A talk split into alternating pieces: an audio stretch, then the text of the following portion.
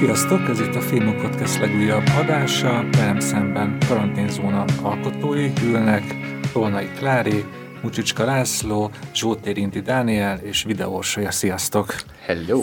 Sziasztok! Én pedig Varga Dénes vagyok. Ugye most ez olyan értelemben kísérleti adás, hogy négyen vagytok itt a stúdióban, és azért is gondoltuk arra, hogy most minél több embert meghívunk a filmből, mert Hát ugye azt tudjuk, hogy egy film az mindig közösségi munka, de szerintem nátok ez még inkább igaz egy ilyen független filmnél, és ezt kérdezem is tőlük, hogy hogy most csak gyorsan elmondom, hogy ki mit csinált a film, ugye Tolnai Klári, te az egyik epizódban vagy a főszereplő, Laci, te színészként is részt veszel, és producerként is, Dani, te ugye író-rendező, Orsi, te pedig író. Igen, és, És, és mind a ketten producerek. És producerek.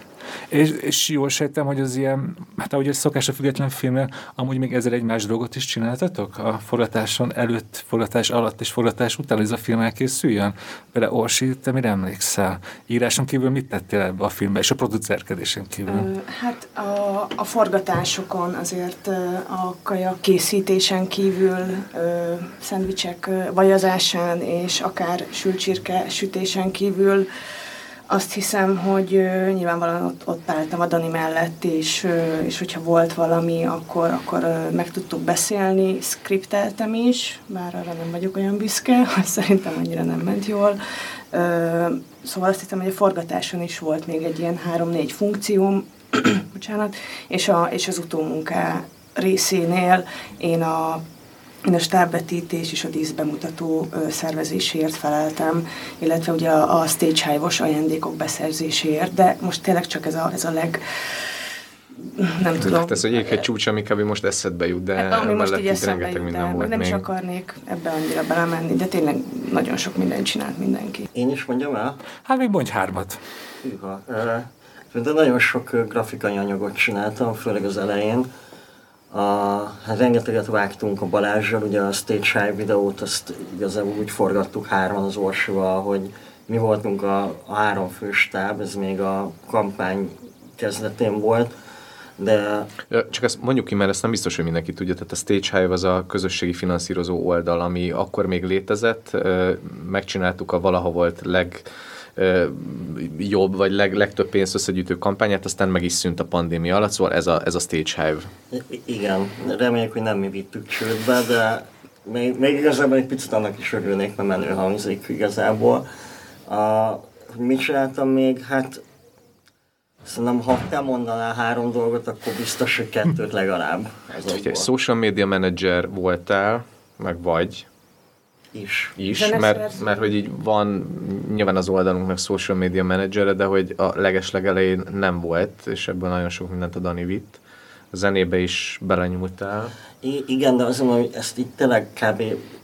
egyfelől nehéz is felsorolni, meg ezek össze is függenek egymással, másfelől meg nem akarom, hogy menősködésnek tűnjön, mert De- rajtam kívül még legalább 5-10 ilyen ember van, aki Igen. ennyi mindent csinál. De szerintem ez nem menősködés, ez inkább kényszerűség, nem? Ö, kényszerűség volt, ez igaz, viszont ö, azt hiszem, hogy így, hogy első filmet csináltunk, jobb volt, hogy, hogy mi csináltunk mindent. Nagyon sok mindenben lett tapasztalatunk, és nagyon sok mindenről kiderült, hogy mihez nem értünk. És hogyha esetleg majd valamikor egyszer majd megint fogunk csinál- csinálni egy filmet bármilyen körülmények között, akkor, akkor például fogjuk tudni azt, hogy mi az, ami nekünk még így időenergiába belefér, és mi az, ami nem. Én alapvetően így nem tekintek erre egy ilyen tehertételként, tehát hogy ez, ezzel járt ez a film, hogy mindenki csinált mindent.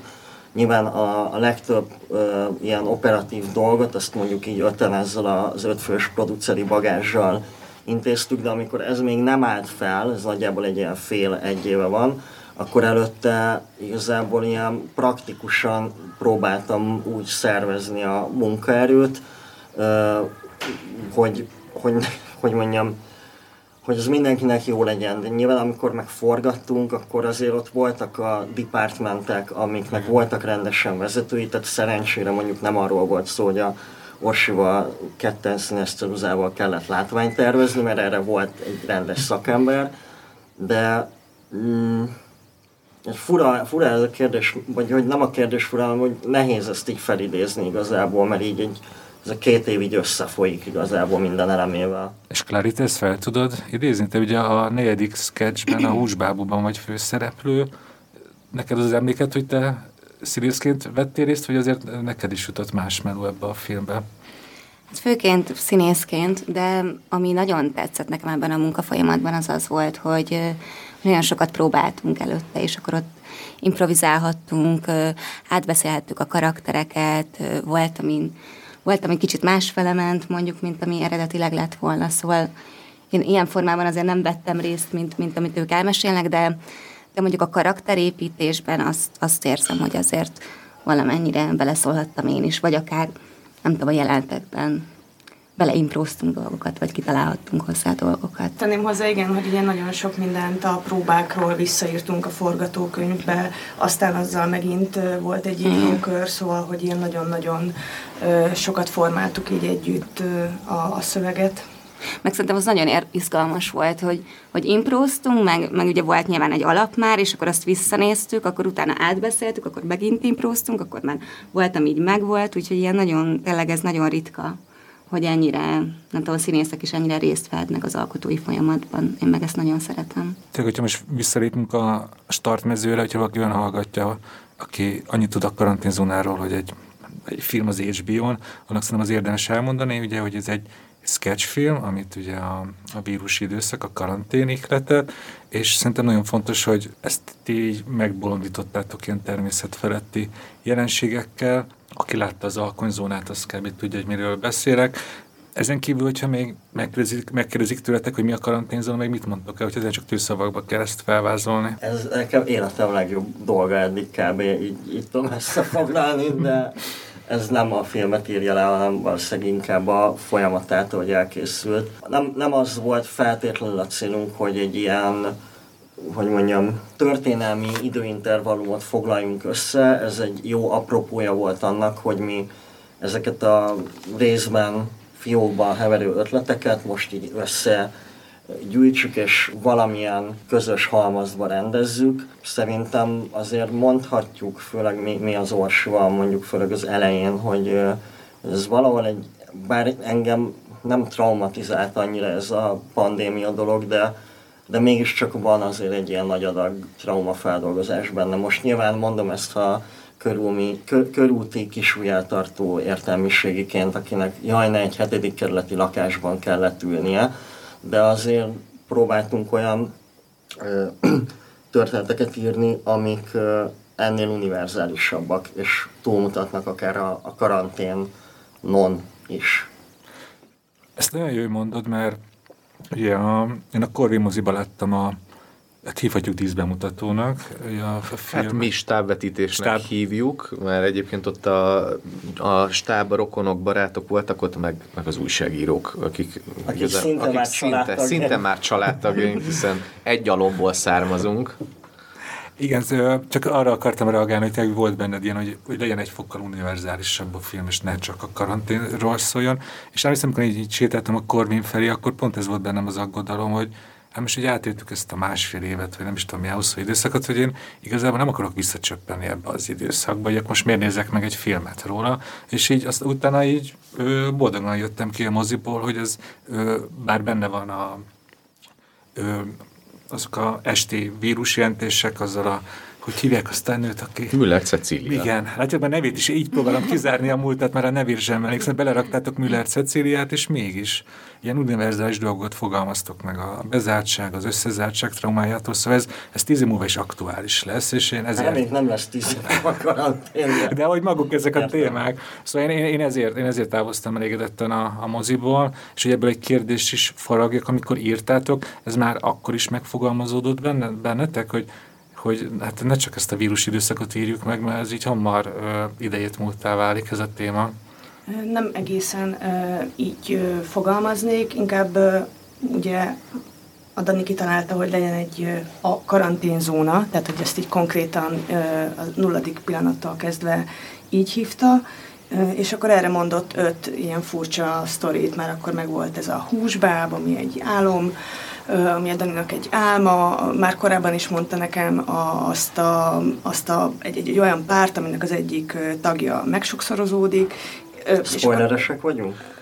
Nyugodtan. Jó, bocsánat, okay. jó, és ö, igazából annyi, hogy amikor ezek megvoltak, ö, a filmnovella szintjén szerint, amikor ezt filmnovellává bővítettük, akkor azért még nem volt meg, hogy amúgy ezek miről fognak szólni. Tehát a, a, a mélységét, meg, a, meg az érvényét, azt, azt később találtuk meg benne, de az azt hiszem, hogy már nem, nem, nem amiatt, hogy most akkor a karanténról szóljon, hanem... Hát biztos, hogy volt egy olyan pont, ahol, ahol azt, én, én erre emlékszem, hogy volt ilyen beszélgetésünk, hogy, hogy azt kimondtuk, hogy, akar, hogy olyan történeteket akarunk azért elmondani, amik nem kifejezetten csak a karantén keretei között érvényesek. Hiszen ez az az érvény, amiről az Orsi beszél, hogy akár ezek azon túl is működőek legyenek.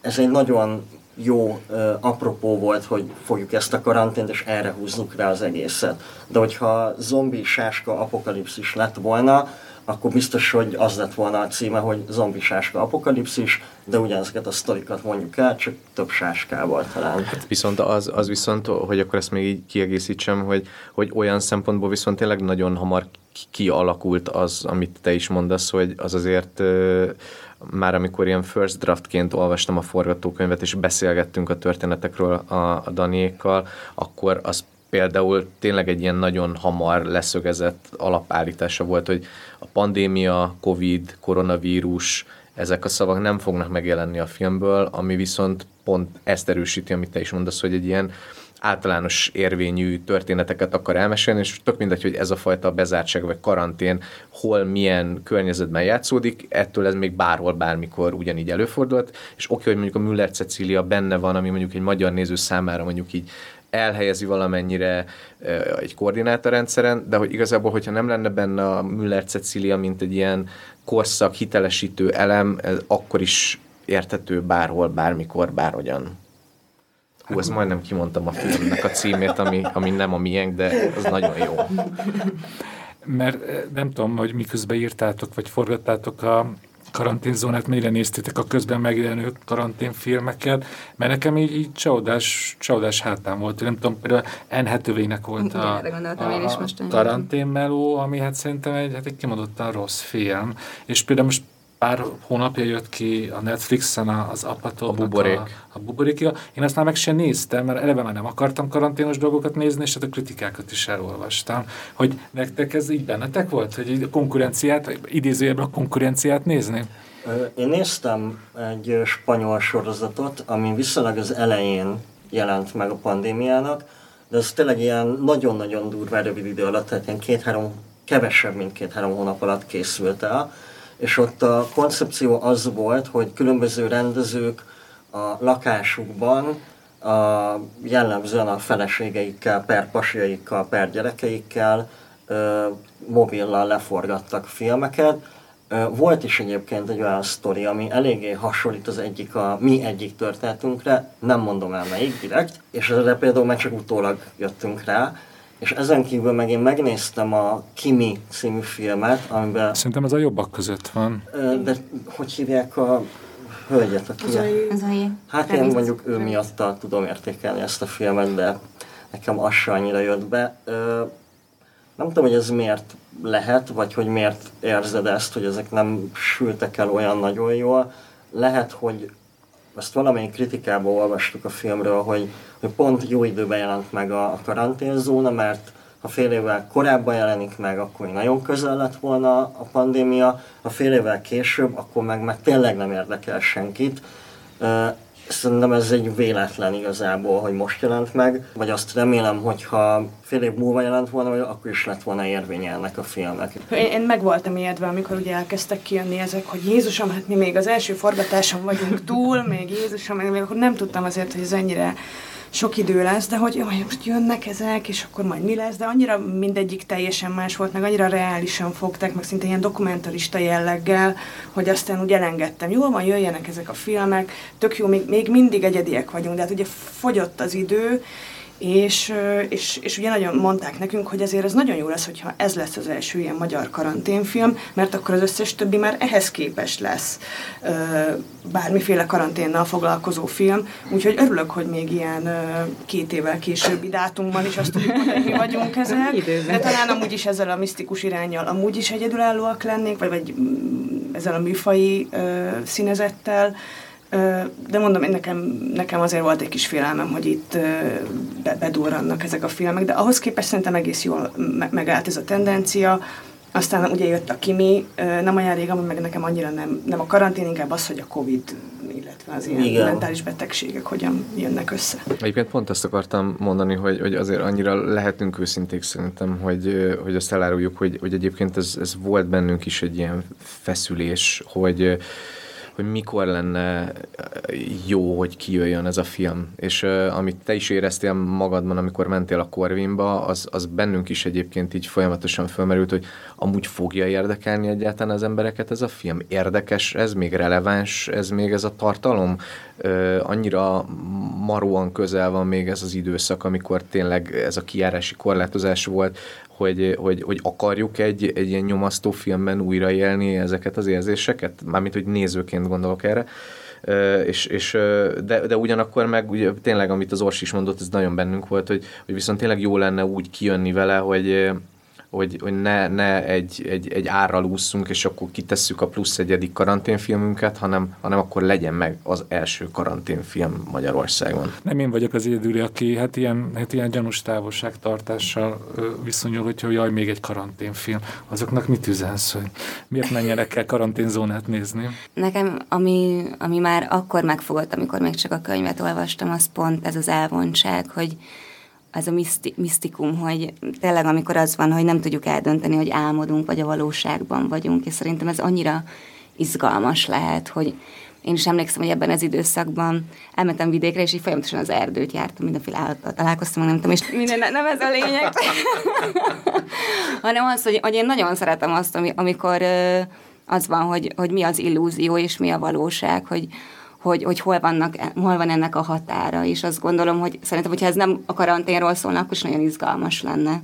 hogy kiben, nem tudom, hogyan jönnek ki a félelmei, a saját démonai, vagy hogyan lát egy ember teljesen másnak egyik pillanatról a másikra. Szóval szerintem ez akkor is nagyon izgalmas, hogyha nem a karanténról beszélünk, de az, hogy pont a karanténban történik, az szerintem azért lehet érdekes, hogyha az ember visszanéz abba, hogy ő neki vajon milyen félelmei voltak, ő neki vajon milyen vágyai voltak, ő vajon milyen döntéseket hozott, ő vajon azt választotta, hogy nem tudom, hogy, hogy bezárkózik és egyedül van, vagy azt választotta, hogy nem tudom, a párkapcsolatában menekül, vagy azt választotta, hogy nem bír már a párkapcsolatában benne lenni, szóval szerintem ez ilyen nagyon izgalmas nagyon érdekes, szélsőséges helyzeteket mutat meg. Hát igen, ugye a terészed is a húsbáb. Az is, hogyha most így hirtelen mindenkinek az agyába kitörölnénk, hogy volt ez a karantén, meg ez a Covid, akkor is teljesen értelmezhető legyen. Hát arról szól, hogy két ember összeköltözik, teljesen új kihívás, teljesen új szint, és hát ez nem mindig sül el jól, és ez tényleg nem kell a, a Covid. Igen. Igen. És hogyha most tovább lépünk arra, hogy már is mondtátok, hogy összeültetek, voltak az ötletek, hogy miből legyenek a, az a, a sketchek, ezt úgy képzeljem el, hogy a, aminek az időszaknak az első heteiben, amíg nem tudom, a legtöbb ember kovászos kenyeret sütött, addig ti írtatok? Ők is sütöttek kenyeret, csak közben írtak is. Akkor viszont, akkor Tani arról... pizzát Jó, akkor... Megtanultam pizzát sütni, de én ezt a kovászos témát, ezt hanyagoltam a első rohadó kovász üvegnél, ami nem sikerült.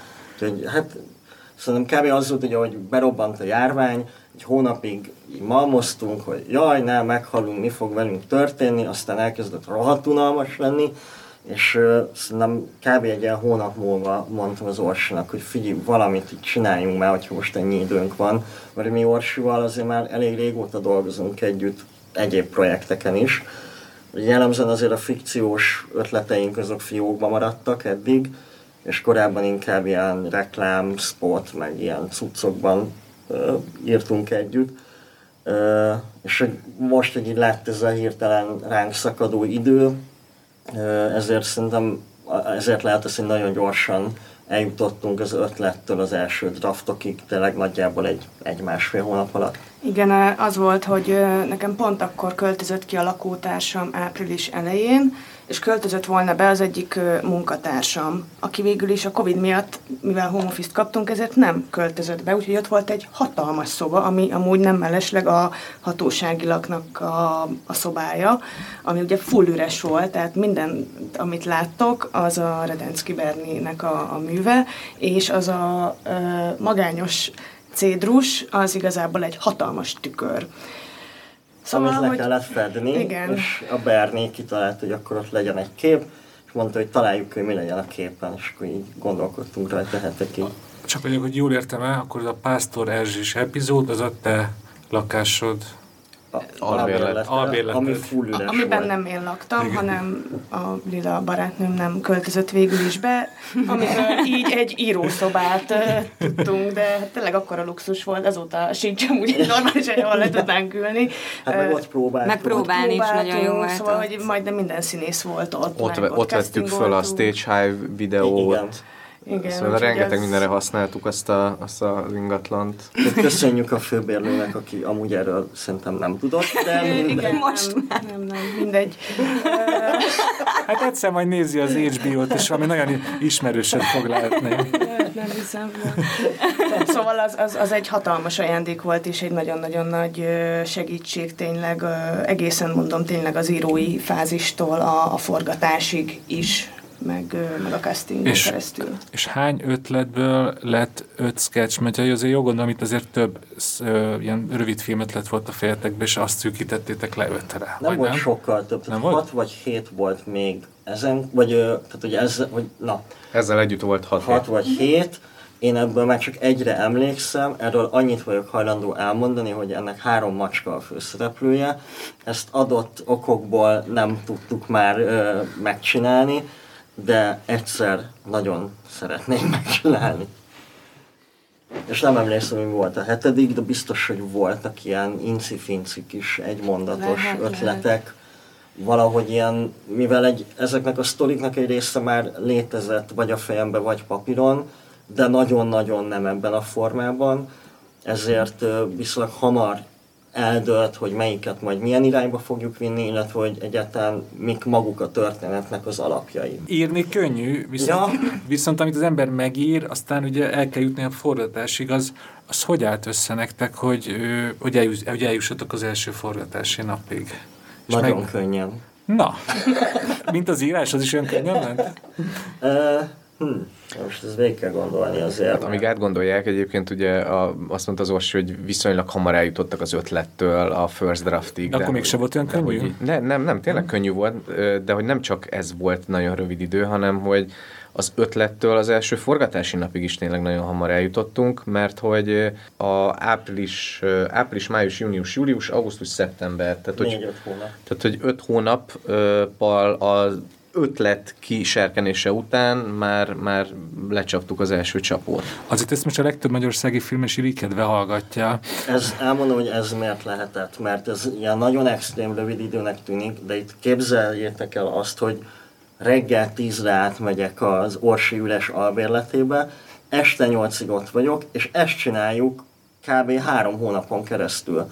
Tehát így tényleg annyira intenzíven dolgoztunk, sokszor még hétvégén is, Sőt, egyszer voltál, hogy együtt lementünk anyámék nyaralójába egy hétvégére, hogy az egy másik sztori? Ez egy másik sztori.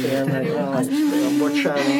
Abból nem lesz semmi. Egyre keverhetjük De nagyon jó ötlet az is, é, tehát hogy így, hogy ez ezért lehet ez, mert hogy nekem például nem volt munkám, az Orsonak kevesebb munkája volt, jóval, és azok az emberek, jellemzően a barátaink, akiket mi meg, meg környékeztünk azzal, hogy nem -e lenne kedvetek esetleg velünk forgatni, azoknak se volt éppen munkája. Hát igen, mert csak hogy emlékezzünk vissza, hogy 2020-ban a magyar filmipar az így hát nagyjából leállt arra igen. pár hónapra, és alig volt munka.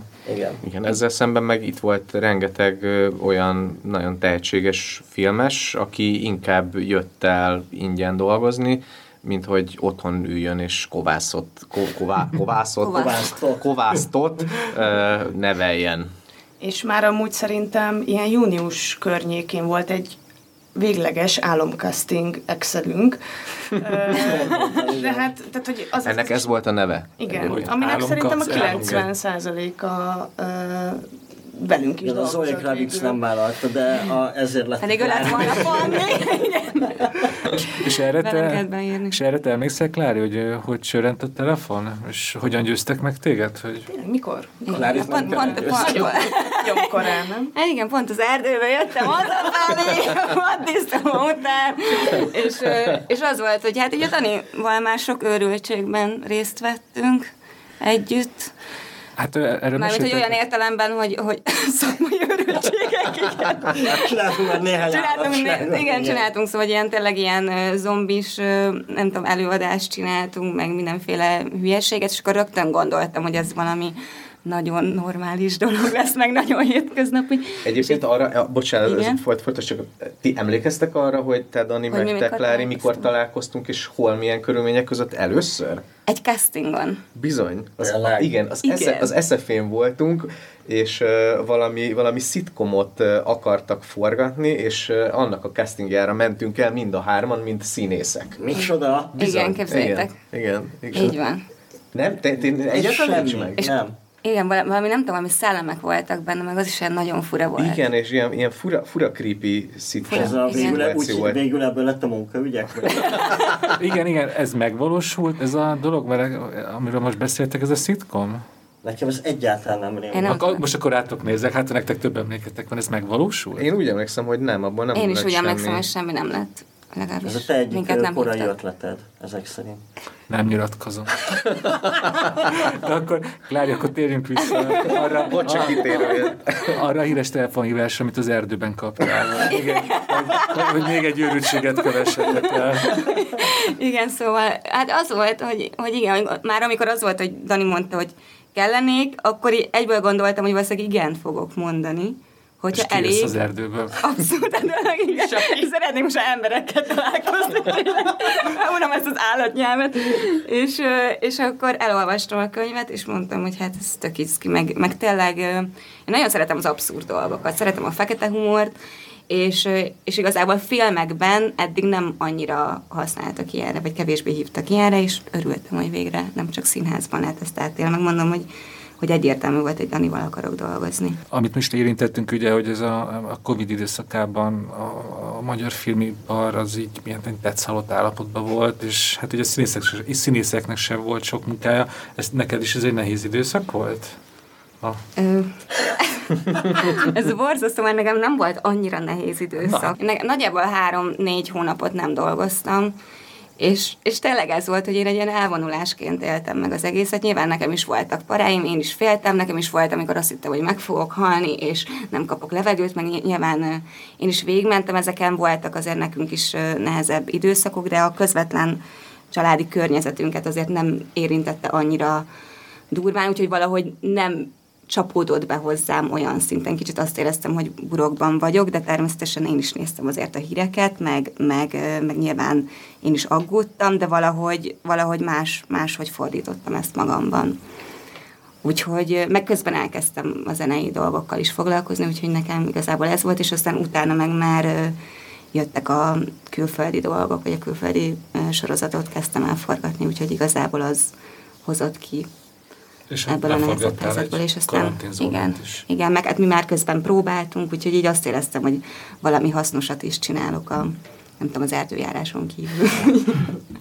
És hogy még visszacsatoljak a gyártáshoz, hogy, hogy egyébként azért is kerülhettünk viszonylag közel a forgatáshoz, mert uh, amúgy a hatóságilag uh, az nem, leforgatása nem tartott sokáig, tehát ez egy kétnapos forgatás volt, jól emlékszem? Vagy háromnapos Ez volt? kettő. Két hát nap. három nap volt előkészítés. Hát előkész, előkészítéssel együtt, ez egy háromnapos forgatás volt, azért egy hónap alatt összehozni egy háromnapos forgatást azért nem, nem egy gyártási rémálom, és ö, ugye a, a többi epizódot is ö, viszonylag ilyen tágabb időintervallumokkal forgattuk le, mert októberben volt még egy, novemberben volt kettő, és utána pedig 2021 januárban, Február. februárban forgattuk le az utolsó sketchet, ami pont a Klárié.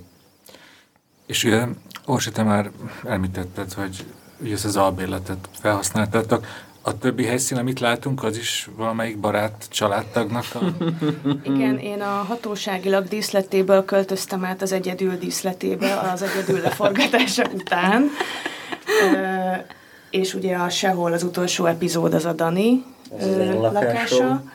És amúgy a hatóságilag forgatásán még ott álltunk, hogy a Mukihoz nincs, ö, nincs sajnos lakás, ugye ez a gyerek, meg hát ez egy nagyobb lakás, jó Istenem, mi lesz, és akkor a Ferenci Attila, Ferenc. A, Feren, ja, bocsánat, Ferenc Attila a forgatás utolsó napján mondta, hogy hát gyertek hozzánk, hát megbeszélem a családdal, és akkor uh, nyugodtan persze, nekik van egy kislányuk, és hogy azt a szobát nagyjából úgy, ahogy van, használhatjuk, Úgyhogy nagyjából a hatóságilag második napján már megvolt az, hogy akkor novemberben hol leszünk, és akkor tudtuk, hogy már csak ugye egy lakás hiányzik, de... De aztán kiderült, hogy a Klárinak van egy ilyen lakás a, a Rózsadomban. Nem, ez, az egy Nem. olyan helyszín volt, amit béreltünk. A Klári. A. Igen, hát igazából legalább kaptam némi fizetést. Végül megtarthatta Végül megtarthatta a saját lakásom. De egyébként kellett még azért bérlésre költenünk, mert uh, oké, hogy egyébként megvoltak ezek a, a lakások helyszínként, de, de pont amiatt, hogy ugye volt olyan időszak, amikor csak egy meghatározott ember számmal lehetett egy légtérben lenni, és például a Dani lakása, ugye sehol, ami nem tudom, 22 négyzetméter nagyjából. 32. Na, hát kizárt, hogy annyi lenne. galéria, úgy. De ezt, ezt, tehát, jó, ezt jól mondod, igen. Tehát, hogy ott, ott, ott nyilván forgatni is nagyon nehéz volt, nem, hogy még ott legyen bent egy egész stáb, úgyhogy a szemközti házban uh, volt kibérelve egy melegedő, ahol a stáb többi tagja ott volt, ameddig éppen zajlottak dolgok a szedben. Ezt jó, hogy mondod, mert ezt tapintatosan is rá akartam erre kérdezni, hogy emlékszem azért, hogy elég szigorú szabályok voltak érvényben, gyülekezési, ugye a körfjút, hogy mondják magyarul, már elfejtek magyarul, de a hőségben. Kiárási tilalom. Köszönöm. Szóval... Korlátozás. Így Szóval hogy érzitek, is százszerzékosan betartottátok ezeket a... Erre van egy nagyon jó sztorim. Az volt mondva, hogy a színészeknek nem kötelező maszkot hordani, lévén mert elég fura lett volna. Igen. Másfelől a, a, volt egy főgyártás vezető, ezt elfelejtettük az előbb mondani, Jónás Rita, aki nyár közepén, tehát 2020 nyár közepén csatlakozott hozzánk, illetve hát nem csak hogy csatlakozott, hanem így megmentette ennek a filmnek a gyártási részét. Neki voltak asszisztensei, mindegyik epizódnál, és tulajdonképpen a Rita volt, aki így átfogta ennek az egész filmnek például a költségvetését, azt, hogy minden a helyén legyen, nekünk a legnagyobb kényelem legyen a körülményekhez képest, illetve például ő volt az, aki így az asszisztenseken keresztül is, vagy akár éppen személyesen betartatta ezeket a járványügyi előírásokat elég keményen. És pont a, a húsbábot forgattuk, és így hoztak nekem egy ilyen plexi pajzsos fejföldet, én mondtam, hogy ez biztos, hogy nem fogom felvenni, de hát olyan idiótán néztem valaki benne, hogy, hogy próbálj meg, igen, tehát így próbálj meg így embereket meggyőzni arról, hogy ez most egy olyan nagyon érzékeny jelenet, és kb. annyit hallanak az egészből.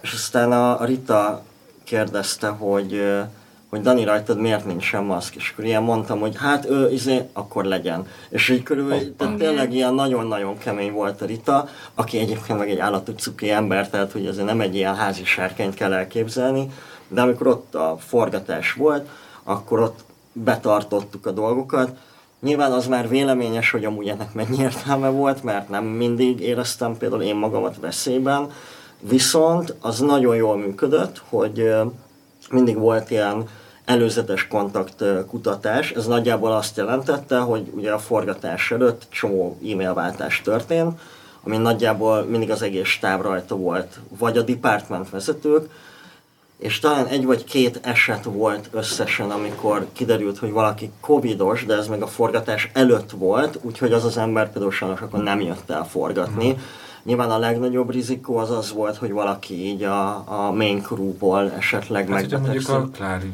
Hát uh, igen, az, az nem lett volna kellemes. Igen. igen, de azt azért hozzáteszem, hogy én például abban az időszakban, amikor már forgattam, én tényleg sehol nem mentem, szóval én, én egyáltalán nem jártam ki a barátokkal, meg minden, hogy bezártam magam, és akkor azt mondtam, hogy jó, akkor én így a forgatáson élek csak társasági életet, mert nagyon féltem ettől, hogy nehogy az legyen, hogy nem tudom, hogy, hogy valahonnan emiatt kiesem. De ez egyébként kb. mindenkire igaz volt, mert ugye Elképesztő, hogy ez, ez most volt nem, nem is olyan rég, és már olyan távolinak tűnik, hogy tényleg ilyen 10 órára haza kell érni, Igen. meg nem tudom, nyolc. ezek a dolgok, hogy meg 8. 8 is volt. Meg, meg 8-ig lehet, uh, 8-tól kezdődik a kiárás ja, korlátozás. Aha, igen, a pontos. És akkor 10 óráig haza igen. kell érni, meg nem tudom, ezek, szóval, hogy, hogy egyébként mindent tőlünk telhetőt megtettünk annak érdekében, hogy, hogy a legkisebb legyen a valószínűsége annak, hogy itt bárki megfertőződhet valahogyan, és bár nekünk színészeknek valóban nem kellett maszkban lenni, de amint így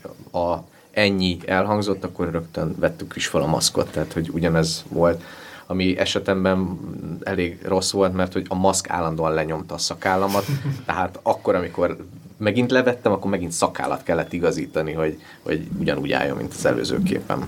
Meg a Seholnak a forgatásán, ami november volt, az volt szerintem az első, ahol ez a kiárási korlátozás bejött, meg hogy hányan lehetnek egy helyiségben, és azt amúgy ott tartottuk is. Igen, igen. A, a többinél, hál' Istennek, még vagy már nem kellett, de meg amúgy is ez a nagyon pici lakás nem bírt volna el, nem tudom, 12 embert, szóval, hogy ott ott valahogy ott össze is lett vonva egy-két szerep, vagy nem is tudom azt, hogy oldottuk meg, de igen. Az a lakás olyan kicsi, hogy a Dimát Balázs Ferenc, kérnek a filmek a vezető operatőre, azt az epizódot ő forgatta.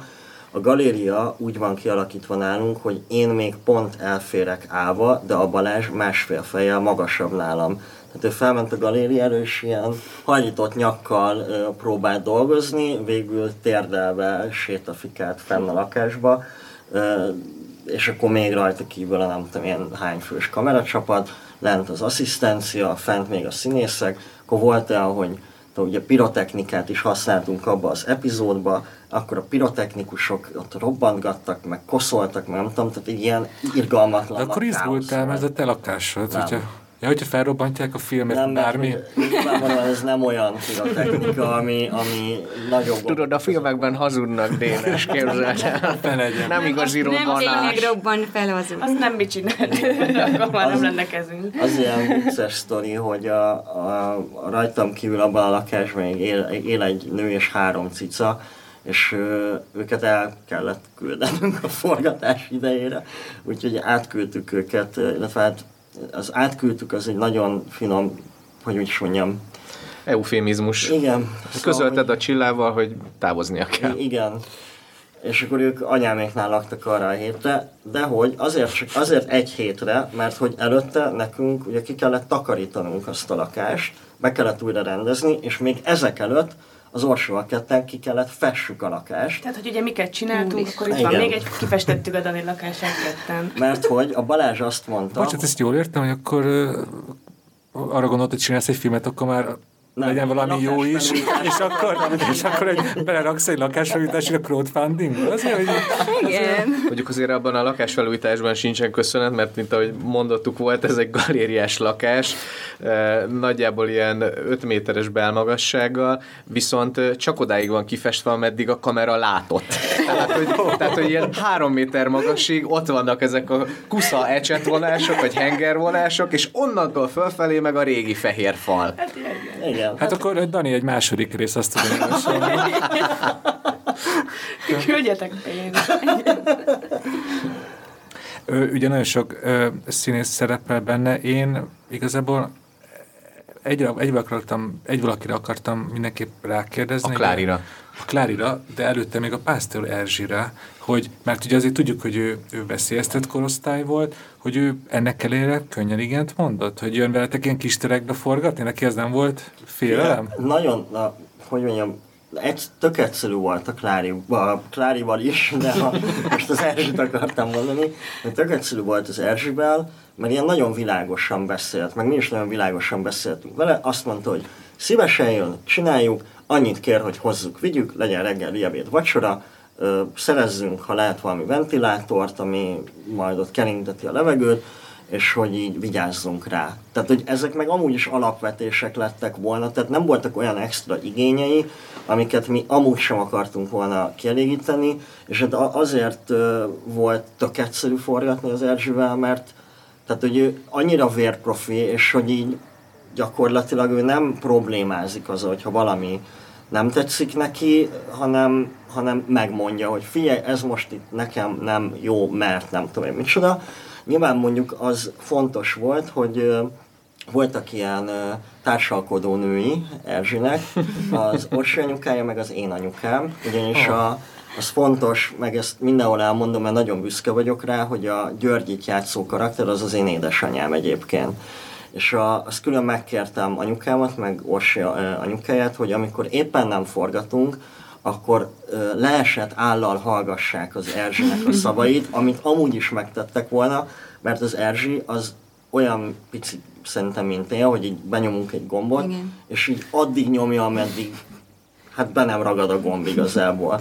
És ugye miatt nagyon-nagyon jó hangulata volt annak a forgatásnak, mert mindig hülyéskedett, mindig szivatott engem, de én is visszaszivattam őt, és akkor ilyen kialakult nagyon hamar az, hogy itt most mi mindenki ugyanazt akarja csinálni, le akarjuk forgatni ezt a filmet, oké, ott van egy 82 éves ember, de egyébként meg nem egy olyan nagy feladat rá vigyázni, meg egy felnőtt ember, tehát hogy fogja mondani, hogyha neki valami nem jó, és egyébként mondta is, amikor úgy érezte, volt, hogy a melegtől, nem is tudom, egy picit úgy elfáradt, tehát nem volt rosszul, vagy ilyesmi, csak kérte, hogy akkor most így tudja, hogy nem így van a diszpóban, de most hadd legyen már egy negyed óra szünet, mert hogy ő két napja 12-14 órát amúgy forgat megállás nélkül, és ez tudod, egy olyan kérés volt, hogy ja, csak ennyi a kérés, hát tök természetes. Tehát, hogy így... Igen, és az fontos ugye, hogy az első hullám után nyáron olyan volt, mintha nem történt volna semmi. Akkor mindenki igen. kiszabadult. Kiszabadultunk, ugyanolyan volt minden, és ez amúgy mi ugye szeptember 9-én kezdtünk el forgatni, és szerintem szeptember végén kezdődött el megint a, az esetek növekedése, uh-huh. vagy, vagy az esetszámok növekedése, szóval, hogy még szeptemberben amúgy azt éreztük, hogy jó van, most is semmi para, Igen. nem kell, nem az, hogy nem kell annyira vigyázni, de hogy most nem a legdurvább szitu van, mert akkor az Erzsé is azt mondta volna, hogy ne haragudjatok, nem vagyok őrült, így meg végül is azt mondta, hogy jól van, ezekkel a feltételekkel, akkor csináljuk. Úgyhogy, de hál' Istennek tényleg nem is volt semmi. Hát meg... Lekopogtad, jól hallottam?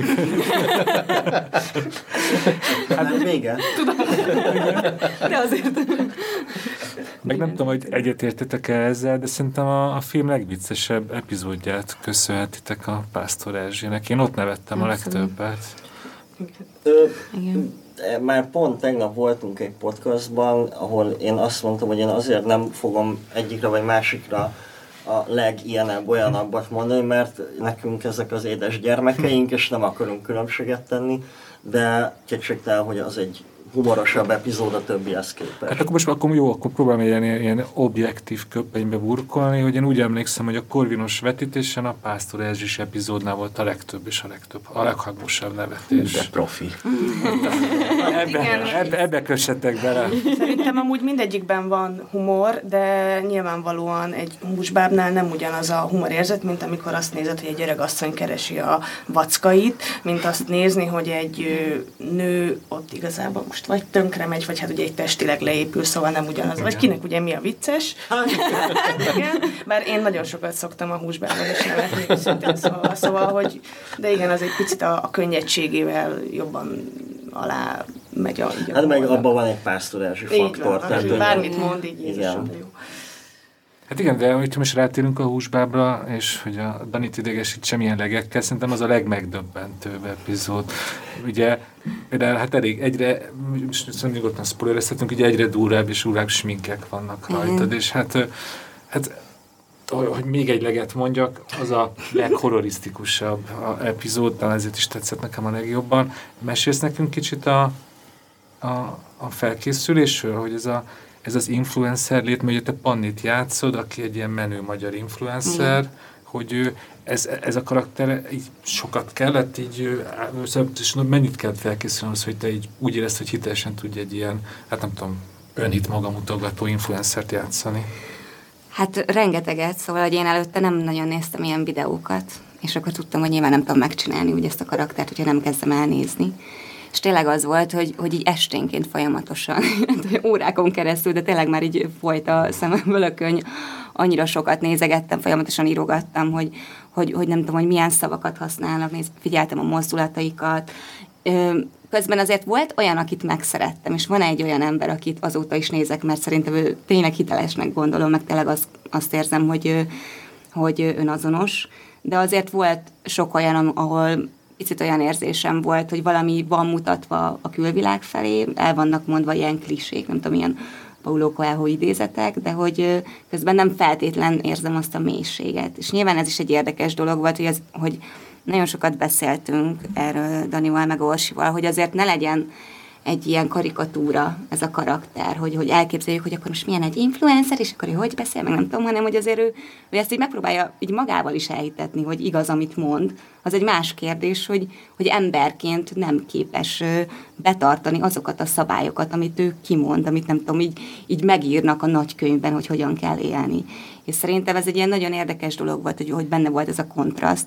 És aztán utána én így poénból, meg, meg azért, mert azt éreztem, hogy ez is a része, így elkezdtem ilyen videókat csinálni, hogy ilyen tippeket adni az embereknek, hogy összeköltöztem a barátommal, és akkor négy, de, de hogy nekünk És akkor ja, már épp akartam mondani, hogy akkor fenn vannak a neten, de hát nem, nem, nem, nem, nem, nem, nem, nem, hanem hogy én felvettem ezeket a videókat, és folyamatosan küldözgettem Donéknak, hogy nem tudom, hogy mit szólok hozzá, meg ilyenek. Ö, és igazából volt, volt, ami aztán így... Na várjál, itt hadd had csatlakozzak be, mert hogy az volt, hogy mi megírtuk ezt a sztorit, a Klári uh, YouTube videó betétjein nélkül. És az első vágatnál így néztük, hogy valami nem oké ezzel a filmmel. Tehát ezek tök fontos részei. Na várjál, mert azt akarom elmondani, hogy, hogy uh, nézgettem, hogy miért valamitől nem működik ez a sztori, és valahogy nem tudtam rájönni, és nem tudom, nagyon-nagyon sokszor újra néztem azt a vágatot, és elkezdtem rájönni, hogy az zavar, hogy nem érzem azt, hogy, hogy itt lenne valami időmúlás, amivel arányos a, a Dream Panninak az átalakulása. És akkor így, nem tudom, az Orsival erről hosszan beszélgettünk, hogy de már ugye megvolt a vágat, hogy azt így hogy lehetne esetleg máshogy adagolni, vagy mit vegyünk el, mit tegyünk hozzá, és így azt hiszem, hogy hát a Klári küldött ilyen videókat, nézzük már meg azokat, és végül a, a Klári volt az inspiráció forrása annak, hogy ezek a videók bekerültek, mert hogy így az ő telefonnal bénán felvett videóit bevágtam a filmbe, és így egyszer csak így wow, tök jó, érzem, hogy telik az idő, és egyébként még egy réteget így kap a film ezáltal. nem voltak béle. Ez nem, nem, mindegy, mindegy. Hát igen, mert azt utána vettük föl. Oh. Tehát, hogy az, amit a filmben látsz, azok nem, tehát nem Persze, azokat nem, nem, nem, nem, nem. A... Dénes csak tréfelt. Ja, nem, nem ért, az a baj, hogy annyira rossz a humorom, hogy nem értem. Egész más humorom, vannak ilyen húsbábos humorom.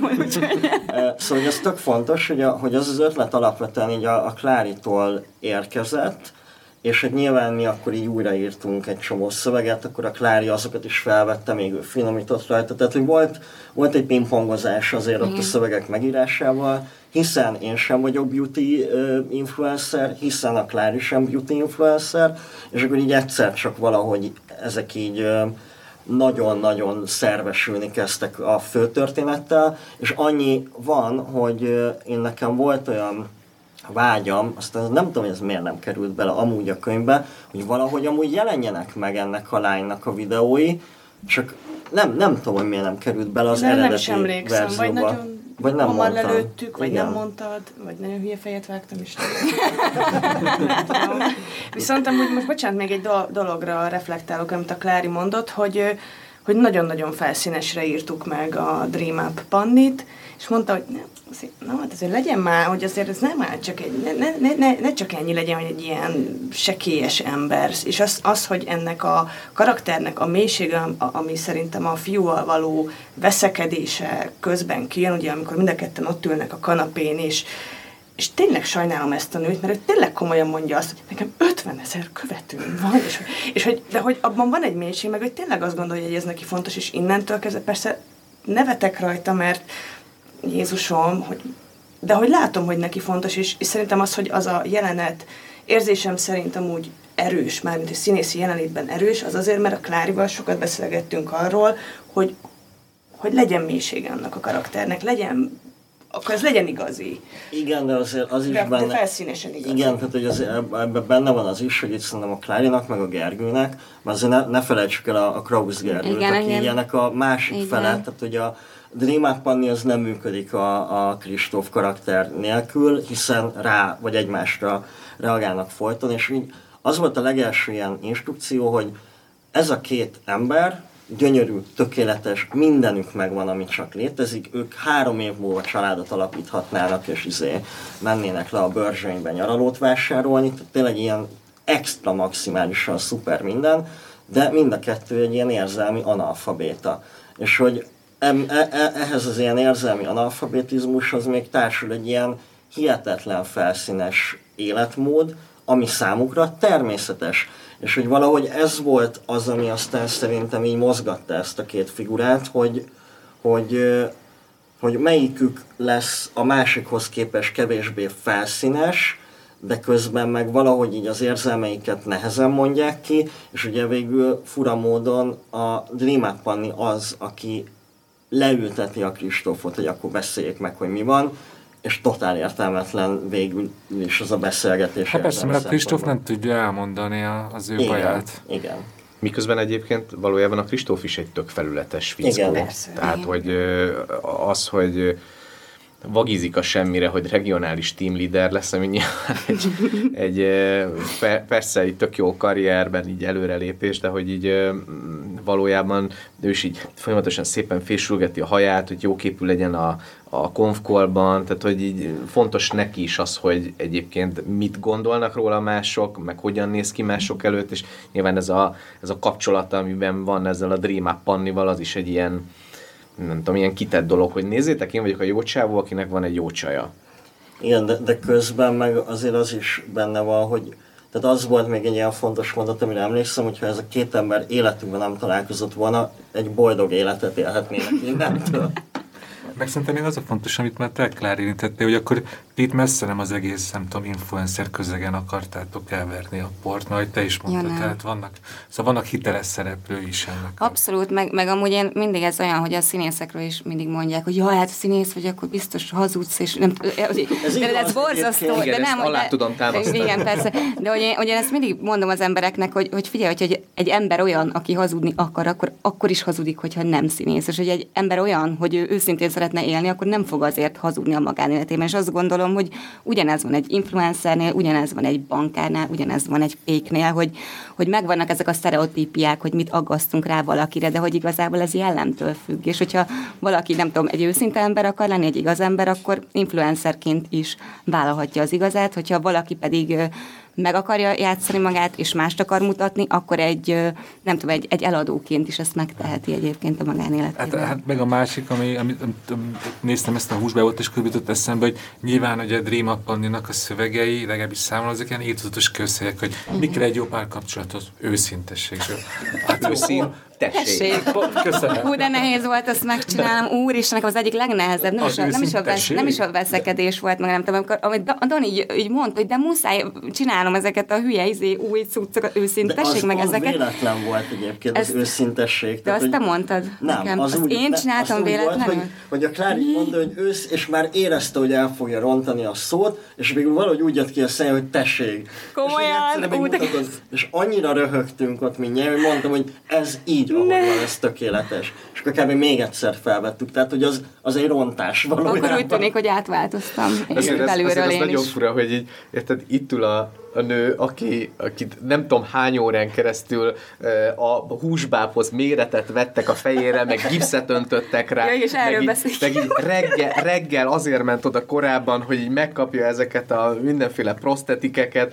El kellett játszani egy ilyen érzelmileg nagyon nehéz ö, ö, jelenetet, ahol összeveszik a barátjával, és akkor a legnehezebb az volt, hogy őszintesség. És, De tényleg. de ezt most mondjuk el, mert ugye most csak a hangunkat hallják, a hallgatók a kézmozdulatinkat nem. Ez ugye kb. egy ilyen pisztolyt formálsz a kb. csettintés. Igen, hogy igazából nekem ezek voltak nehézek, nehézek, nehezek, nehézek, amikor, amikor ilyen nagyon hiteltelenül ilyen picsa módon kellett viselkednem. Szóval tényleg ez volt, hogy amikor például levették a gipszet a fejemről, akkor az volt, hogy nagyjából másfél órán keresztül én nem, szinte nem nyelhettem, nem pisloghattam, be volt zárva a fülem, a fejem, a szemem, minden, nem láttam tényleg, és én így... A két orjukad volt Tényleg szabad. a két orjukam szint, szóval tényleg épp, hogy szabad volt, és, és emlékszem, hogy mindenki félt attól, hogy majd nem tudom, hogy rosszul leszek, meg minden, és semmi bajom nem volt, azt éreztem, hogy én vagyok, nem tudom, valami Kleopátra, akit mumifikáltak, vagy nem tudom, és így tök jól éreztem magam, és, és utána így megszülettem, mint egy dínó, amikor így kijöttem így ebből az egészből,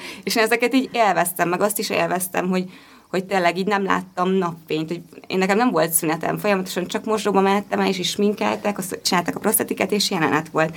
És nem ezek voltak a legnehezebbek, de amúgy még volt egy nehéz pillanat. Hát akkor mesélj el, Egyébként, légy igen, egy- az- Elmesélsz nekünk egy nehéz pillanatot? Igen, a legnehezebb pillanatom az egyébként az volt, amikor lejátszottuk ezt a veszekedős jelenetet, és akkor nyilván azért én ott érzelmileg eléggé megnyitottam magam, és eléggé belementem mondjuk abba a fájdalomba, amit érezhet egy ember olyankor, amikor azt érzi, hogy nem tudom, hogy egy kapcsolatnak vége van, vagy hogy nem érti őt meg a másik, és akkor utána, közvetlen utána kellett felvenni egy jelenetet, ahol meg valami nem tudom, ilyen 30 másodpercen volt, hogy felmondjam az egész szöveget, de közben még, még voltak változtatások rajta, hogy mégsem azt is úgy, de közben 30 másodperc alatt mond, mond el, és emlékszem, hogy, hogy ott már így, tényleg az már a sokadik nap volt, Hát meg meg jó, igen, meg nem Meg nem láttam a láttál a szememmel, szemeddel. meg a kezemmel Fel se láttam, a fel volt kötözve a lábam is, hogy meg mi, szóval, minden, szóval a lényeg, hogy egy nyomorék voltam tényleg.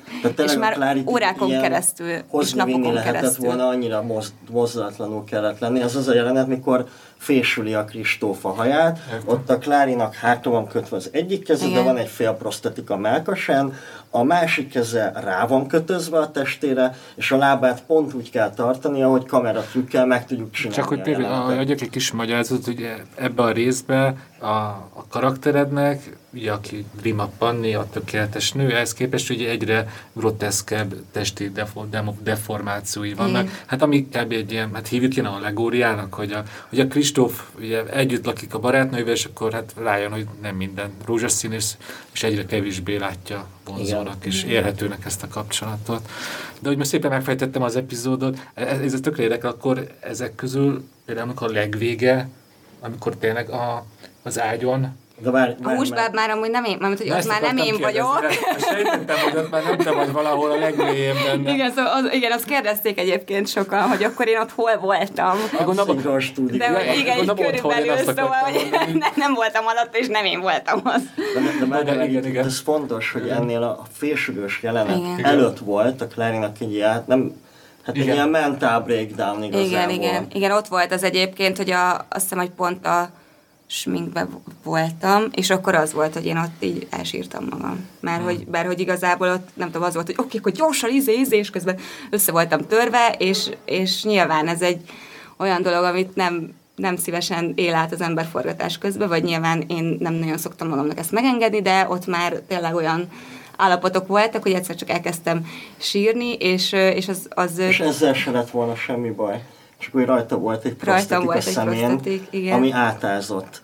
Igen. És hogy, hogy én nekem az, hogy a Klári, hát én eleve tök rosszul éreztem magam, hogy Jézusom, mit csináltunk a Klárival, miközben... Húsbábot csináltatok belőle. Miközben az is tisztában voltam, hogyha azt mondja, hogy 15 perc múlva kezdhetünk, akkor az viszont úgy lesz, és az amúgy így volt. Igen. És aztán kijöttek a prostetikesek, és mondták, hogy figyelj, van egy kis baj, mondom, mi, mi baj? Hát tudom, a Klári most így lenyugszik, izé, akkor fogjuk folytatni, amikor ő mondja, de nem ez a baj, hanem hogy ki kellett lukasztani a prostetiket a szeme alatt, hogy kifoljon belőle a könyv, Oh. emiatt le kellett újra sminkelni, azt visszaragasztani ezt a prostetiket, ami már akkor nem ugyanúgy fog kinézni, mint eredeti állapotában, és végül egyébként ott van egy nagyon minimális ilyen VFX utómunka, tehát emiatt nem látszik, de hogy az meg most egy szembe fogom dicsérni a Klárit, de hogy az meg tényleg ilyen giga respekt, hogy azt mondta, hogy negyed óra, és negyed óra múlva, mintha semmi baj nem történt volna, miközben valószínűleg ott így googolt a WC-ben, így a sarokban, és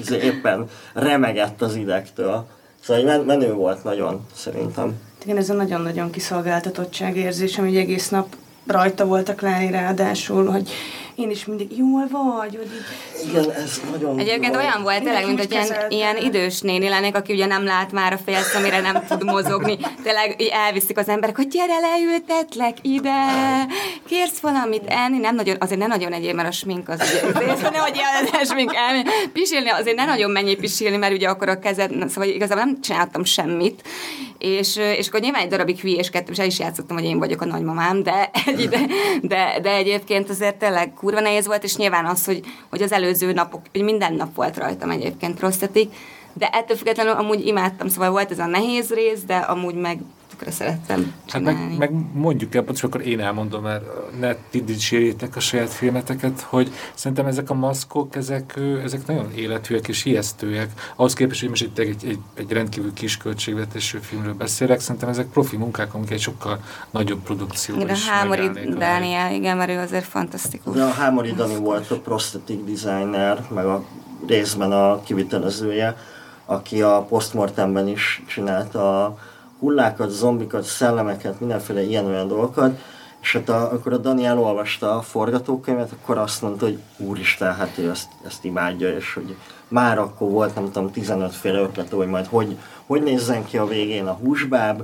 hogy uh, hogyan lehetne ezeket a stációkat szépen felépíteni, mert hogy az eredeti könyv azért tartalmazott még pár stációt a- ahhoz képest, mint amennyit látunk, és akkor mi mondtuk, hogy nekünk van rá x forintunk, és mondta a Dani, hogy oké, okay, akkor viszont annyit kér, vagy annyi, annyit javasol, hogy egy picit módosítsunk a könyvön.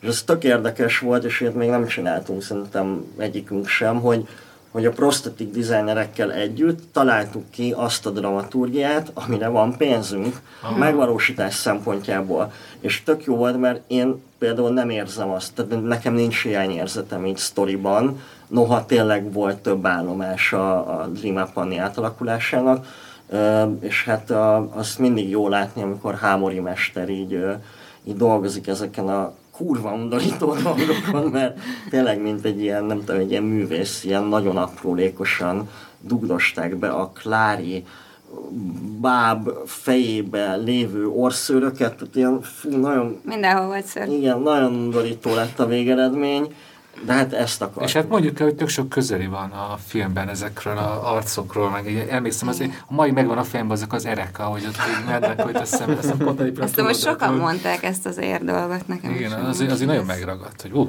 wow.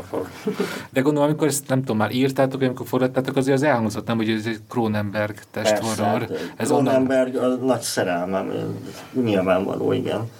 Meg, meg szerintem a, ez a emberi hússal való játék, ez nem tudom, en, engem amúgy is így az, hogy nem tudom befejezni ezt a mondatot, Igen, úgy, hogy ne vá- Igen, hogy nyomogod, hogy- Szeretem, de, de, de mi, mi a jó szó? elbűvöl. E, igen, e, igen, megmosolyogtat. Boldoggá tesz, nem tudom, mit mondani. Inspirál. Köszönöm szépen, igen. Csak ki. De akkor beszéljünk egy másik fontos színészről is a filmben, és most a Mucsicska Lacira nézek.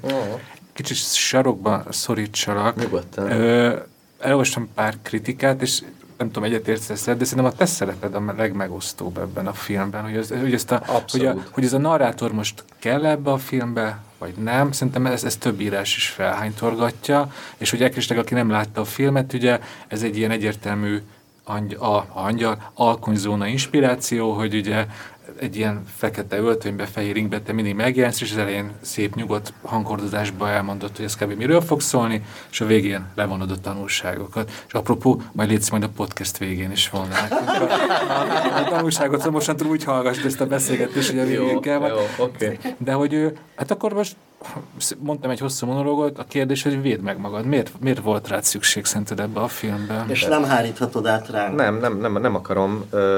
Erre nagyon szívesen válaszolok, mert egyébként akkor, amikor már, már elkészültek az első vágatok, akkor én egyébként a Daninak mondtam többször, hogy oké, okay, értem, hogy alkonyzóna omázs, meg ezt a kezdetektől tudom, vagy tudjuk, de hogy így megnézve ezeket a nyers vágatokat, én nem igénylem benne magam. Szóval, hogy én azt javasolnám, hogy vágjunk ki belőle engem, a narrátort, mert hogy nekem nem, nem ad hozzá annyit a dologhoz, és, és egy kicsit így didaktikussá teszi ezt a dolgot. És, és a Dani ezt így nagyon, nagyon hárította, hogy nem, nem, nem, ez mindenképpen benne kell lennie, és, és akkor utána nagyon sokat dolgoztunk azon, hogy egyébként a narrátort azt hogyan tudjuk akár zeneileg, hanghatásokkal, bármivel még jobban leválasztani erről, hogy, hogy, hogy valahogy még creepy tegye ezt a, ezt a helyzetet, és, és akkor a legvégén így meggyőzött arról, hogy, hogy maradjak. Uh, mármint, hogy nem kellett meggyőzni, mert nyilván ő a rendező, szóval, hogy azt vág ki belőle, amit akar, meg azt ad benne, amit akar, de, de hogy így igazából saját magammal szemben így voltak nekem is így kérdések, hogy így helye van-e a narrátornak itt, és hogy jó ez. Uh, és ebben igazad van, hogy tök megosztó a, a, a narrátor szerepe a kritikákban, mert legalább annyian írják le, hogy így fú, mennyire jó, hogy ott van, és így határozott, és így elmondja ezeket a dolgokat, és hogy mennyire kiemeli az egészet, és teteretere.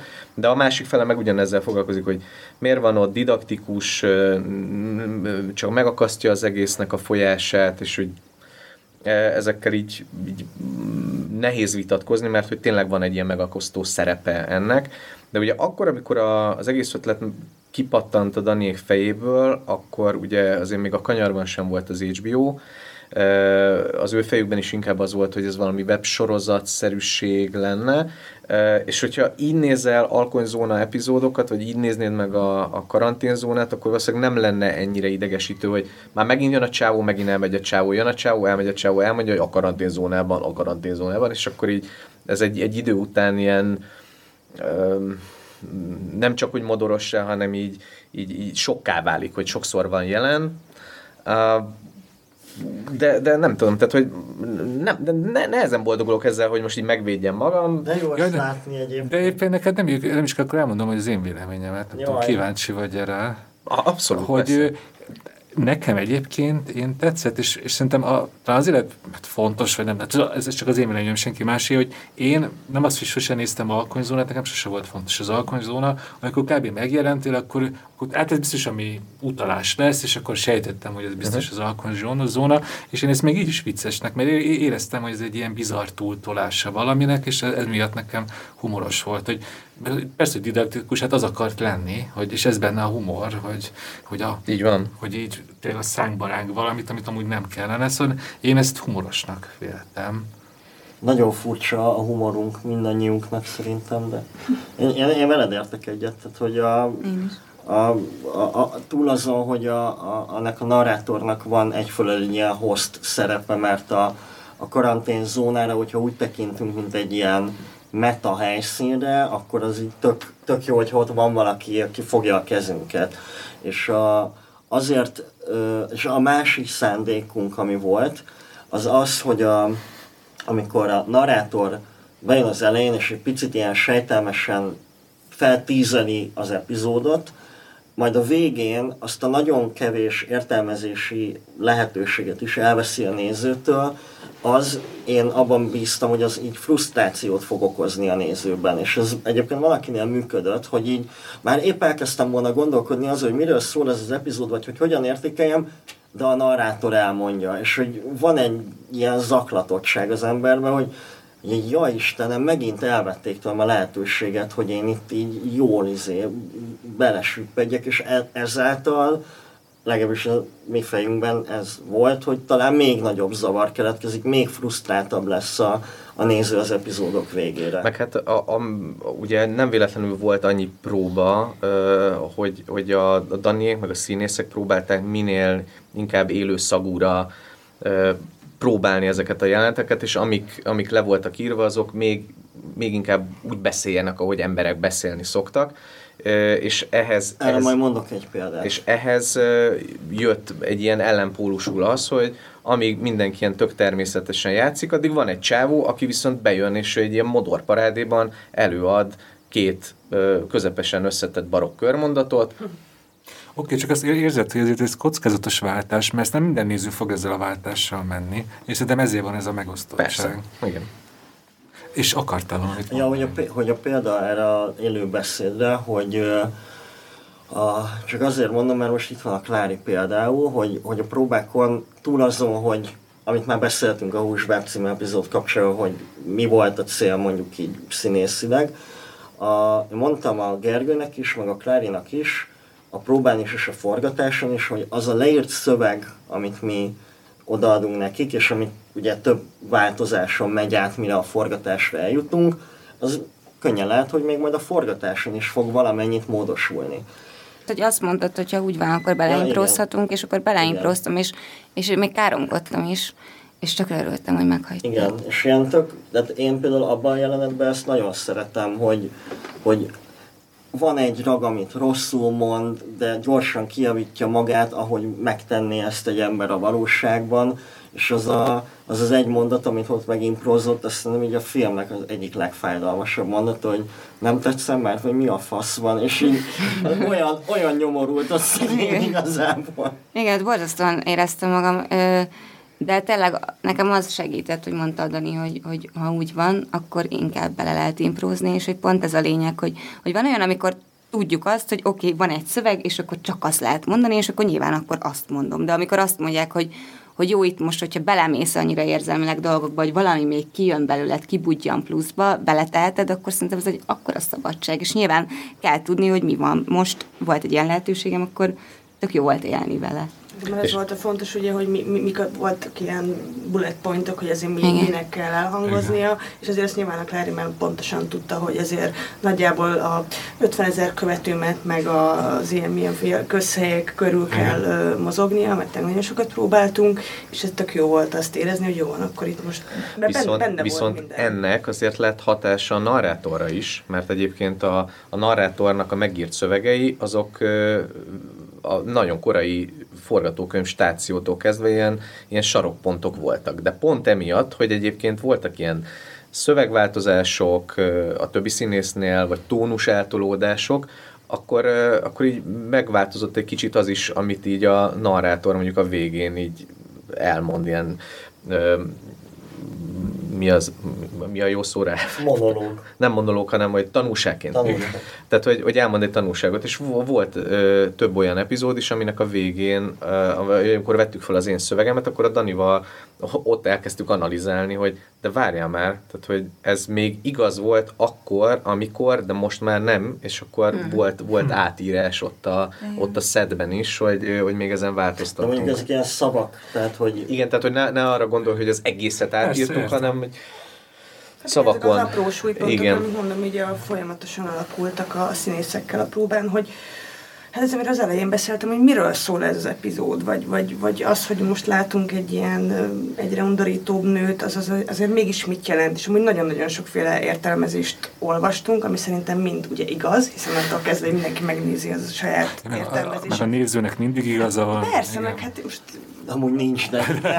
Most attól, hogy mi uh, mit tettünk benne, nyilván látszódik, hogy, hogy van benne valami gondolatiság, uh, mert hogyha üres lenne, akkor, akkor hamis lenne, akkor nem jönne át, de így meg mindenki saját maga értelmezheti, hogy most te is mondtál egyet, ami szerintem amúgy egy tök egyszerű és tök jó megfogalmaz. Nem tudnám ilyen egyszerűen most megfogalmazni, hogy te mond, amit te mondtál. Bárcsak emlékeznék rá. Majd is lehet hallgatni, ugye? Szóval, hogy, hogy ennyi, hogy, hogy, hogy érdekes volt mindig megtalálni, és, és esetleg még a hatodik draftnál azt mondani, na, na, most, na most van meg. Eddig is ide közelítettünk, tehát hogy amúgy érdekes, hogy az írás közben mennyit formálódott, vagy a, vagy a mondom, a próbák azért az ilyen negyedik draft körül bejöttek, és akkor mindegyik ilyen hetedik, nyolcadiknál állt meg, vagy ki tudja már, hogy hol. Szóval ez szerintem nekem, nekem amúgy egy ilyen új fajta munkamódszer is volt, hogy hogy ennyire uh, korán bevontuk a színészeket, és hát ugye akár tényleg a Klár, Klári is saját karakterét velünk együtt uh, formálta, vagy azt, azt akkor hárman beszéltünk róla egy órákat. És, és hogy mennyire tényleg szavakon ö, agyaltunk, arra jó példa az, hogy a, a sehol az utolsó epizódnak az utolsó mondatában egy szó benne legyen, vagy nem. Tehát, hogy a hamarosan találkozunk a karanténzónában, vagy hamarosan újra találkozunk a karanténzónában. Oh.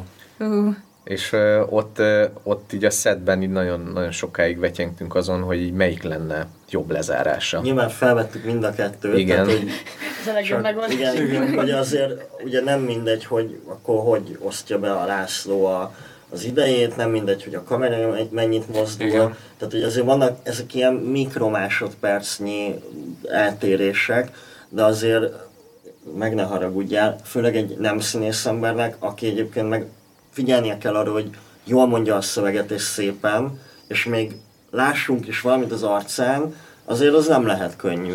És a, amúgy az meg jól jellemzi a Macinak az agilitását, hogy még a, a hatóságilag volt az első, amit felvettünk, ott 26 vagy 28.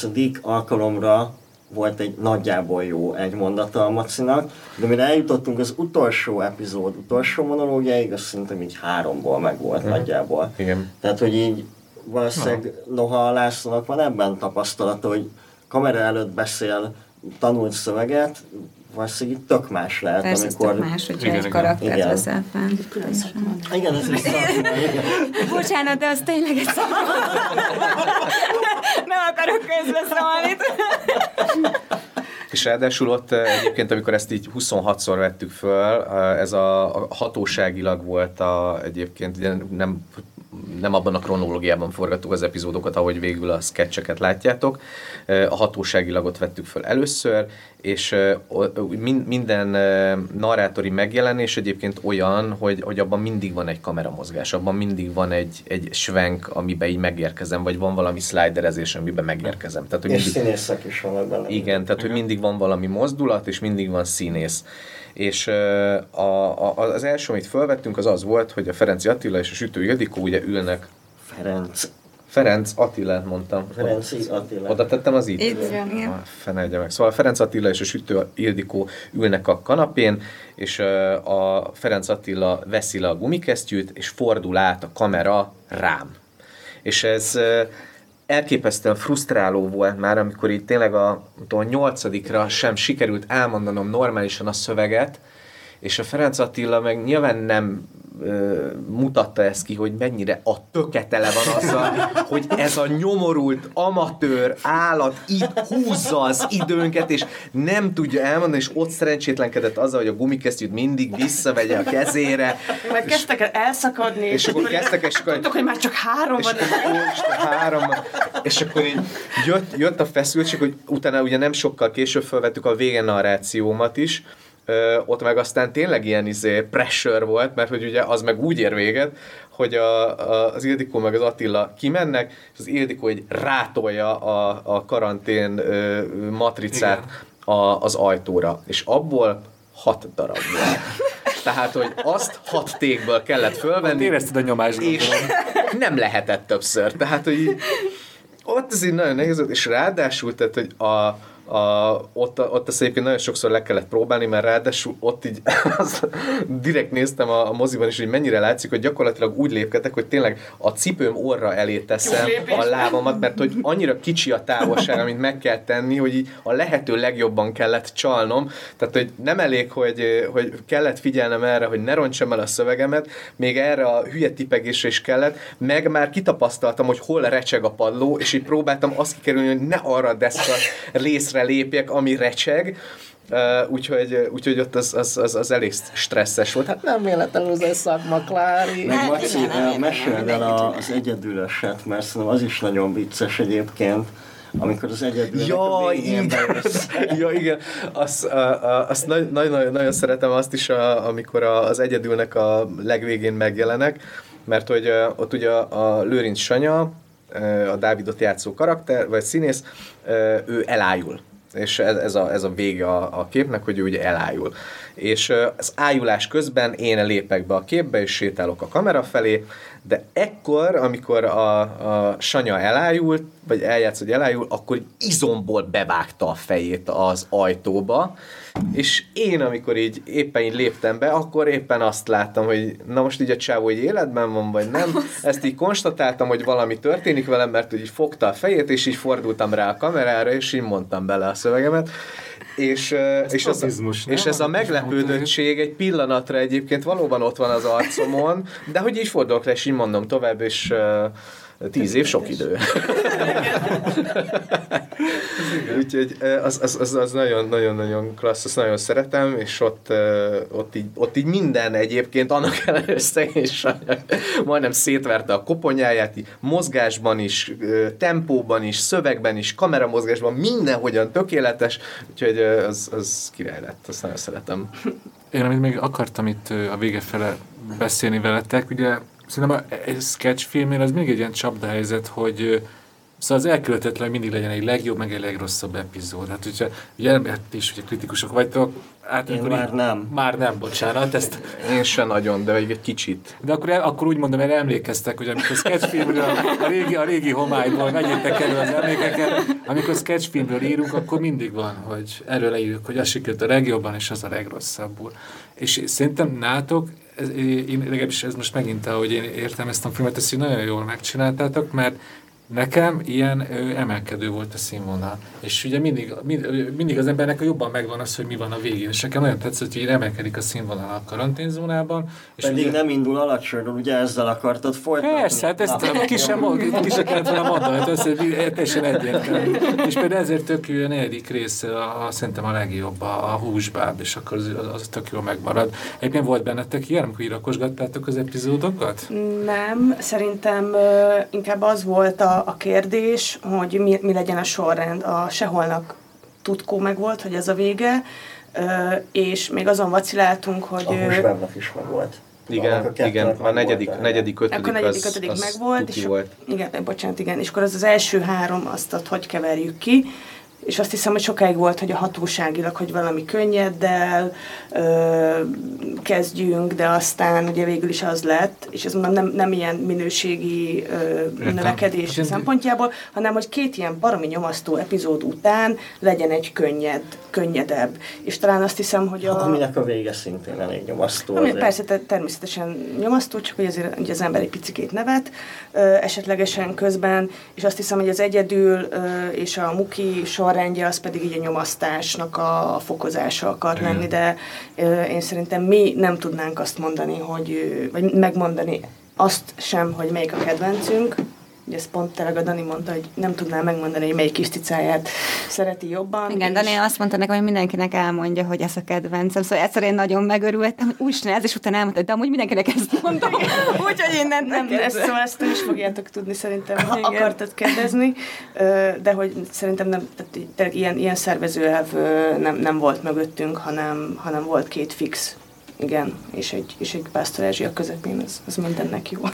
Mit tesz? Hát meg, a, meg azt, azt értem, hogy átmegyünk most ilyen filmértelmezésbe, hogy értem, hogy miért, miért kellett mindenképp a sehol a címe, ugye, hogy az legyen a végén, mert ugye az, az első négy epizódot, az most leegyszerűsítem, de minden négy arról szól, hogy, hogy az, előbb, az ember előbb-utóbb beleőrül ebbe a bezártságba, és nincs kiút.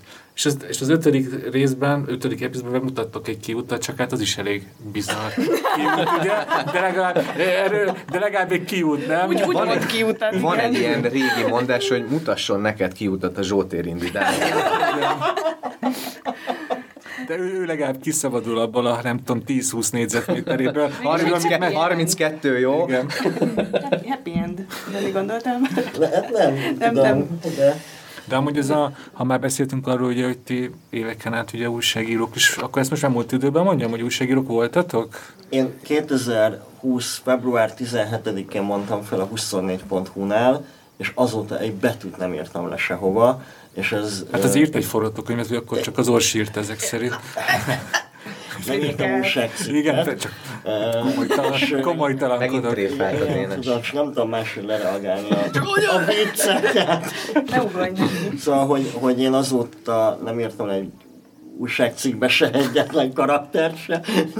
Bocsánat. És ez így vélhetően ez most már így is fog maradni. Én ezt felszámoltam magam mögött teljesen. És akkor most Laci, mi most kollégák vagyunk, vagy sem?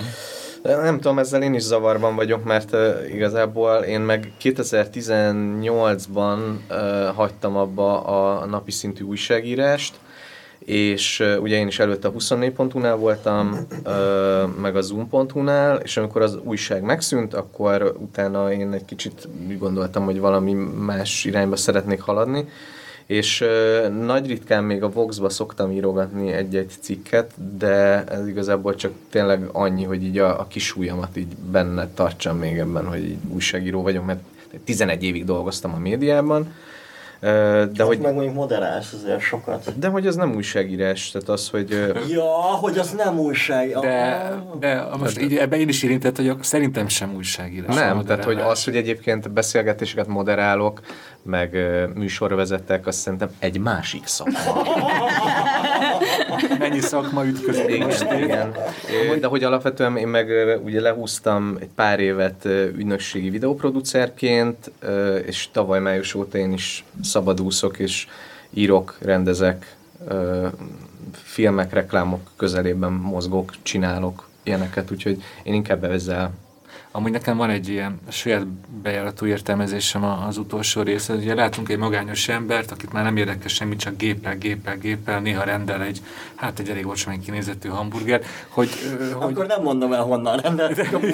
Jön el egy nagyon finom hamburger, aminek csak a textúráival van baj, hogy, hogy ez igazából ez az újságírás allegória is lehet az utolsó rész, nem, hogy abban csak beleőrülni lehet, és hogy előbb-utóbb ki kell lépni belőle. De amikor írtad, akkor ez nem jutott eszedbe, hogy ez az újságíró karriered? Hogy nem mondtad, hogy kiléptél belőle 2020-ban? Nem. Ez a rövid Hát akkor ez, a, ez egy saját... De egyébként, de egyébként amúgy lehetne is, mert most képzeld el azt a, azt a szituációt, hogy a csávó 2020 januárjában a lehető legjobb uh, arányérzékkel és legjobb ráérzéssel fölmond a 24.hu-nál, hogy akkor most majd így önmegvalósít, és így belevág a, a filmezésbe, filmkészítésbe, videó uh, készítésbe, és egyszer csak így beüt a Covid. Ja, És így, egy hónap kell. Igen. és így egy, egy hónap, és így ott van munkanélkül. igen. De végül is sikerült a tervem. Amúgy nem igen. úgy, ahogy elterveztem eredetileg. Úgyhogy igen. Vol- Volt egy, ezt is elmondom, ez érdekes, volt egy, a Marvel rajongásom okán némileg vonzódom az End Credit szín intézményéhez, és volt erre ötletünk, illetve nekem volt egy ötletem, amit hát már sajnos késő jutott eszembe, de hogy én akartam ennek a filmnek a végére is egy ilyen end credit ö, színt csinálni, a, és az a vicces, hogy ezt is így ál, álmodtam igazából, hogy az Orsi írja egy nagy könyvbe a stáblistát, és a, de ugyanazt a stáblistát, amit előtte láttál pár másodperccel, és a, a végén, nem tudom, odaírja, hogy vége, becsukja a könyvet, és ott állunk hárman egy íróasztal mellett, a Dimet Balázs, a Vezop, én meg az Orsi, az Orsi felrakja ezt a könyvet egy, egy polcra, és látunk egy nagyon széles ö, beállítást, ahol egy ilyen végtelen könyves polc van, és ott különböző címek és könyvek, amit nagyon sajnálok, hogy nem csináltunk meg. Ez egy kurva nagy, ö, nagyképű dolog lett volna egyébként berakni egy ilyet még a legvégére, de remélem, hogy egyszer ezt megcsináljuk, mert ez, ez ilyen, nekem ez egy ilyen nagyon szép allegória egyébként arra, hogy így, hogy, hogy ebbe a sztoriba most túl az, hogy én lettem ennek így az agregátora, de azért itt, itt az Orsinak és a Balázsnak nagyon-nagyon-nagyon-nagyon sokkal tartozom én is, meg sokat köszönhetek nekik, és hát, hogy azért ez egy, itt, itt ez az alkotógárda, ez szűken véve három ember, nem szűken véve pedig hát nem férnénk el ebben a szobában. Ez még egy ilyen háromszor 7 méter, mondjuk most tippeltem. Akkor, ha lefeküdnénk a padlóra, és egymásra fektetnénk az embereket, és oda leöntenénk megöntenek, akkor beférnénk valószínűleg. De akkor most nagyon szépen felvezetted a kérdésemet, hogy szerintetek most ti még lesz közös produkció? Biztos vagyok benne. Ez száz százalék. Nem tudjuk, hogy mikor, Muszáj de lesz már, megígértük a klient. Miatt a muszáj lesz. Ja, hogy akkor van egy ígéret a Igen, irányodban. Igen, Igen. igen. Hogy most viccen, viccen kívül csak ami annyira, annyira tök jól összeállt ez a rengeteg ember, hogy így nekem nem jutott, tehát hogy nem volt olyan gondolatom, hogy ne dolgoznék együtt bármelyikükkel. És egyébként valakivel azóta is együtt dolgozom valami máson, tehát ezek jellemzően munkák általában, de hogy tökre beváltak a színészek, tökre beváltak az opcsik, Orsi az nagyon-nagyon bevált, Maci is bevált, tehát igazából mind- mindenkivel ilyen tök jó volt az egész, és azt várom, hogy most így elvonuljunk az orsóval ketten egy kicsit idogatni, mert vannak ötleteink. Csak előtte még kielvezzük, hogy tudunk, tud, tud, tudunk beszélni erről a filmről. Hát meg, hogy fennmaradtatok az HBO-n, ugye. Fenn fogunk maradni, ez százszerzadék közélnek utána jártunk, úgyhogy ez biztos.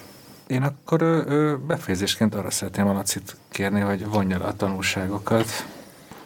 Dénes maga sem tudta, mire számíthat a podcast felvételen. Aztán találkozott négy alkotóval a karanténzónában. Köszönöm szépen. Ez, ez nagyon szép volt. Akkor várom a mozgóképes folytatást tőletek, és aki hallgatott minket, az nézzen karanténzónát. Sziasztok! Sziasztok! Helóka. Ja, és hogy legyen egy elköszönés után is, köszönöm, hogy túléltétek az emberkísérletet, mert itt ilyen 36-35 fokban beszélgettünk, és a szerencs, szerencse, hogy ez csak egy hangfelvétel, mert így mindenkiről, hát így néz, valakiről jobban, valakiről kevésbé. Ont. Így kell befejezni a adást.